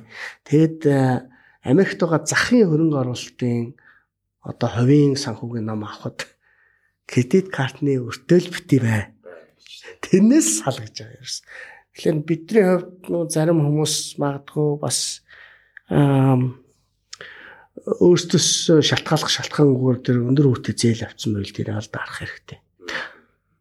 Хүү бахтаа болдог болж байна. Болж байна гэж тийм. Яа та бас яг л санхүүгийн хувийн санхүүгийн алтан дүрмүүдийн хамгийн ихнийхийг нь ярьж шүү өндөр хүүтэй зээлээ хаа тэр кредит картныхаа өрийг тэглээ те аль болох одоо зээл бүү тавиа гэж тий аль болох өндөр хүүтэй зээл бүү тавь За хоёлаа ер нь подкастынхаа төгсгөл хэсэг рүү орж байна. Аа би яг хуу танаас илүү карьертэй холбоотой. Таны карьерийн түүхэнд ер нь ээ бяхлуу гэж ийсэн ямар үе байна. Тэр үеэсээ хуваалцаач. Аа. За Тэр нь хавардаа. Гайгүй. Гэхдээ хэцүү үе болоо. Хүү чорт гэсэн нэг үе байдаг шүү дээ. Аа би яг доктороо төгсөх 13 онд Дэлхийн банкнд ажиллаад эхэлсэн байсан. Тэгээд Дэлхийн банкнд ажиллаж исэн. Ачаал нь бас баггүй. Тэгээд хажуугаар нь докторгийн диссертацаа бичнэ. Тий. Хажуугаар нь үнгүүцгийн мэнийг ажилуулна. Аа тий. Тэгэхээр тэр үед бол та Америк бол Монголд байгаа шүү дээ. Тий. Тэгэл утас ширмсээр яриад өдөр болгон ингэ чатлал энэ яас өнөөдөр энэ яас энийг хөгжүүлт нь хаана байна? Энэ категори чинь болохоо байсан байна. Наа дизайн чинь таалагдахгүй. Энийг шинчлэе гэл ингээл нэг жижиг сажиг юм бол ерөөсө зогсохгүй. Тэгээд бас том төлөвлөгөө чинь гадуур ямар маркетинг явж гин ямар ямар байгууллагатай ингээд гэх мэт тий. Аа тэгээд хажуугаар нь бас нэг аа яа зүгээр суух угаад нэг Америкаас нэг э, жижиг импортын бизнес хийж исэн. Тэр маань бас их цаг авдаг байсан. Тэг тэр үед бүр амар ядраад тэг бүр нэг толгоогоо майжаад эсвэл бүр бүгдийг ч юм уу. Бүр нэг тойлдод нэг Гэхдээ яг хүн бол ингээд даваад гарчдаг юм бэлээ. Одоо бол бас надад хэцүү бах. Гэхдээ аа яг тэгж явах бол тэгээд Зүгээр тэрнээс авсан сургамж юу вэ гэхэлэр зэрэг одоо монголчин яг нөгөө Америкууд чиг Америкууд яг нэг 200 жилийн өмнө ямар байсан Монголыг тийм байхгүй. Бүх юм шин, бүх юм ингээд нэг учраа олохгүй ингээд божигналтаал тийм ээ. Банкны хүмүүс амар өндөр баахан ламбарт мамбарт энэ дээр гараад ирсэн те машин шин барьцаалал ингээд шууд мөнгө хөлждөг ингээд ингээд ерөөсөө ер нь ингээд тэр уран зохиол нийгмийн түүхийг уншаад үзвэл яг нэг 100-аас 200 жилийн Америк тэжигтэй харагдаад байгаа байхгүй юу. За тэнд юу болж исэн бэ гэхээр яг өнөөдөр Монголд болж исэн юм. Юу гэхээр зэрэг англи үг үүдэг. Jack of all trades, master of none гэж. Бүх юмыг чадна зах зугаас нь. Гэтэ альных нь ч алийг ч сайн мэдэхгүй. Альных нь ч одоо тийм аль нь руу ч гүн ороогүй. Тий. Би тэгээд яг тэр 2013 онд юу ойлгож ирсэн бэлээ 12 13 он те юу ойлгосон бэ гэхээр зэрэг энэ дөрвийг ингээд айл айл нь бүр амар сайн яваад. Би дэлхийн банка болио ихлээр гүйч дэлхийн банк штэ энэ чинь арайч. Доктор болио штэ доктор болио гэж хүн докторт Америкт чинь яаж ин чи бас юу гэсэн юм бэ те. Аа ингээр ингэ бүгд нэг юм шалтгаантай Үнгүү цэгийн чи Монголын хамгийн том сайт чи яаж юм хаяах юм. Алийг нь хаяах юм шүү дээ. Тэгээд зүгээр бодож бодож бас аа тийм ээ энийг зүгээр яг хэлж ийн ихлээр ийм нөхцөлд орж байгаа ч юм уу ингээд олон ашигтай төслийн дунд орцсон алийг нь хийх үү гэд тийм ээ. Тэгээ бодож бодож дис дараагаар нь ингээд нэг юм лугаал төвлөрийгээл ингээд эхнээс нь ингээд байгаад байгаа. Тэгээ сүүлдээ Дэлхийн банкийг ч үгүйсэн доктор бол бич дуусгасан. Тий. Тэгээд үнгүүд сегмэнэ дуусгасан ингээд дуусгаад шилжүүлсэн. Тэгээд Дэлхийн банкнд байхад энэ улсын хөгжил ядуурл гэдэг ганц сэдвтэй зуулж авсан ажлын байр. Тэгэл энэ дээрээ ерөөсөө төвлөрөх хэвээр байна. Тэгэхээр залуучууд ч юм уу те бас ингэж эргэлзэж байгаа бол тэр л одоо энэс авсан сургамж э, юу. Тийм л юм үлдсэн тий. Тэгэхээр сонголтоо гаргаа гэж те. Нэгэн дээр нь төвлөрөө Jack Jack of all Jack of all trades. Jack of all trades Master of None гэдэг идэг шүү дээ. Тэр э, Америкийн 100 жилийн үед яг нөгөө манай бие чаднаа нар өстөө битүү байсан. Шүд бол шүд имчилж байна. Тэ. Мужаан бол мужаан хий чинь. Тийм шүү. Тийм. Маркетинг ном бол ном бичиж чинь ямар ном бичүүлэх вэ? Аа. Тэ. Бараг л одоо карате заах нь холгүй те. Тийм шүү. Тэр үл чинь нөгөө Америкийн түүхэнд амар олон хятадуудыг төмөг замаа бариулах гээд баруун үргээр авчицсан. Аа. Тэгээ тэндээс чи амар кабоин түүхүүд гардаг. Тэгээд бас карате заавал заач нь ерөөсөө ингээд. Аа тэгээ тэр чинь ерөөсөө ингээд олон юмны араас туулаа олон туулааны араас нэг хөвөл те хаас оцрно гэдэг шиг. Манай монголчууд ч бас нөгөө нүүдлийн аж ахуйн соёлтой байсан болохоор баг ихэнх хэмиг өөрөө хийх шаардлагатай байсан. Одоо сайхны хүртэлтэй. Одоо бас арай жоохон ингээ мэрэгшээд нь шүү дээ. Гэтэ тэгэл нөгөө уламжлал нь өөрөө бас нөгөө Jack of all trades байх хэвээр байдгийг шахаад идэг юм шиг санагдаж шүү дээ. Одоо чи ир хүн байж одоо тийм хийж чадахгүй те. Одоо эрэгтэй хүн байж одоо машина засах хэвээр бариад барих хэрэгтэй те. Байшингаа барихгүй бол одоо болохгүй. За тэгчээ бас нэг юмний захирал махирлуулах хэрэгтэй байгаад те. Тэгснээ бас нэг айгуу сайн боловсралтай гэл нөгөө бүх химиг нөгөө нийгэм өөрөө хүсэж идэг. Уг нь аль нэгийг барьж аваад тэрэндээ ингээд манлайлаад эксперт болчвол а одоо илүү амжилттай шүү дээ. Яг тийм, яг тийм. Одоо ингээд нэг машин эвдрэхэд засч чадах байх хэвээр. За нэг хан өрчих нэг мэдлэгтэй нэг шавшхоо зурж чаддаг байх хэвээр тий. За бас нэг их сургууль төгссөн байх хэрэгтэй. Тийм ээ. Тэгээд за бас зүгээр байгаа дах бас нэг юмны захирал гэлгээл төрөн гоё хэллээ шүү дээ тийм ээ. Аа энэ юмнуудыг бид нар энэ салхи шуурган дундуур аль нэг нь ашиг олчих байх гэдэг ингээд ингээд дагаж гүгээд тахлаар зэрэг сүулдэ юу ч хүү За тэрний оронд тэр их сургуулийн Монголд одоо ингэж жишээлбэл их сургуулийн тоогоор нь дэлхийд нэг номер шүү дээ манайх. Нэг хүн оногдох их сургуулийн тоогоор дэлхийд бүр нэг номер шүү дээ. Тий. 100 хэд байдаг шүү дээ тий. Тий бүр нэг хүн оногдох нь ингээд тоолчж байгаа нэр чинь хуваагаад. За тэгэнгүүт их сургуулийн чансаагаар сургалтын чансаагаар адагт нь ордог. Энэ яг одоо битэрийн сайн ярьсан баг. Амар олон чанаргүй юм байдаг чанартай юм цоохон. Тэгэхээр тэр диплом диплом авч хайрын сайхан 4 жил одоо Google Microsoft бол диплом диплом шаардах байсан шүү дээ. Одоо Монгол ч гэсэн энэ хандлага эхлэх гээд байна. Ер нь хэрэгтэй хэрэггүй диплом гэжснээс за нэг супер код ч юм болчих. Эсвэл супер маркетингийн юм болчих, супер эдийн засаг болчих. Яг нэг юм ихтэй илүү сайн сурах хэрэгтэй. Яг тэр талбартаа эксперт Би ингээд ажлын байр зарлал хүмүүс орж ирэхлээр за ямар юу хийж чадахгүй лээ нөгөө за маркетингийн хүн авах чинь гэхлээр би ер нь маркетинг хийн, эдийн засаг мэднэ бас жаахан солонгос хэл мэднэ ингэрэй гэсэн. Уу надад бол ганцхан маркетинг л хүн хэрэгтэй байхгүй юу? Тэгэхээр манайхан нөгөө энийг ингээд сайн юм гэдээ ойлгочдөг одоо эргээд энийг жаахан өөрчлөх бас болжээ шүү дээ. Тий, тий. Болголоо. Хинээс үлгэр дуурайл авч байна. За үлгэр дүүрэлэг бол ер нь бас ээжсээ их авдаг л та. Манай ээж тийм одоо ерөөсөө зогсолтгүй ингээд зүтгэх тийм нэг зүтгүүрийн машин гэдэг шиг те. Тэ тэгээд бас тэнэг тэр бас их ирч хүч авч тийм ээ. Аа зүгээр их сургуульд байхдаа бол багшраасаа бас яг тэгээд мундаг мундаг багш байсан. Тий. Тий. Аа шууд зүгээр Монголын зүгээр өнөөгийн зүтгэлтнүүд бол энэ төргээд яах бол хүн алга. Тий. Тий. Ойлгомжтой. За залуучууд ер нь их гадагшаа явах болсон байна. Хоёлаа сая подкастны өмнө аа хин тус ярьжсэн те. Аа одоо ковидын дараа бол маш олон залуучууд энэ Солонгос Австрал руу ажил хэрэглэхээр явж байна. Ер нь энэ хандлага одоо ч одоо одоо багсахгүй байна те. Ер нь нэм дайжих нөгөө brain drain brain гэж яриад байгаа. Итгэхэр залуучууд та хандаж ер нь юу гэж зөвлөхөр байна. Эсвэл зөв үү гэж ахгүй те. Тэгээ явах явах хэвээр бол явах хэвээр шүү дээ. Энэ дээр та юу гэж боддөг вэ? Эн чинь нэг хүний буруу зөв гих хандлагаас илүү зах зээлийн зарчим болчихж байгаа.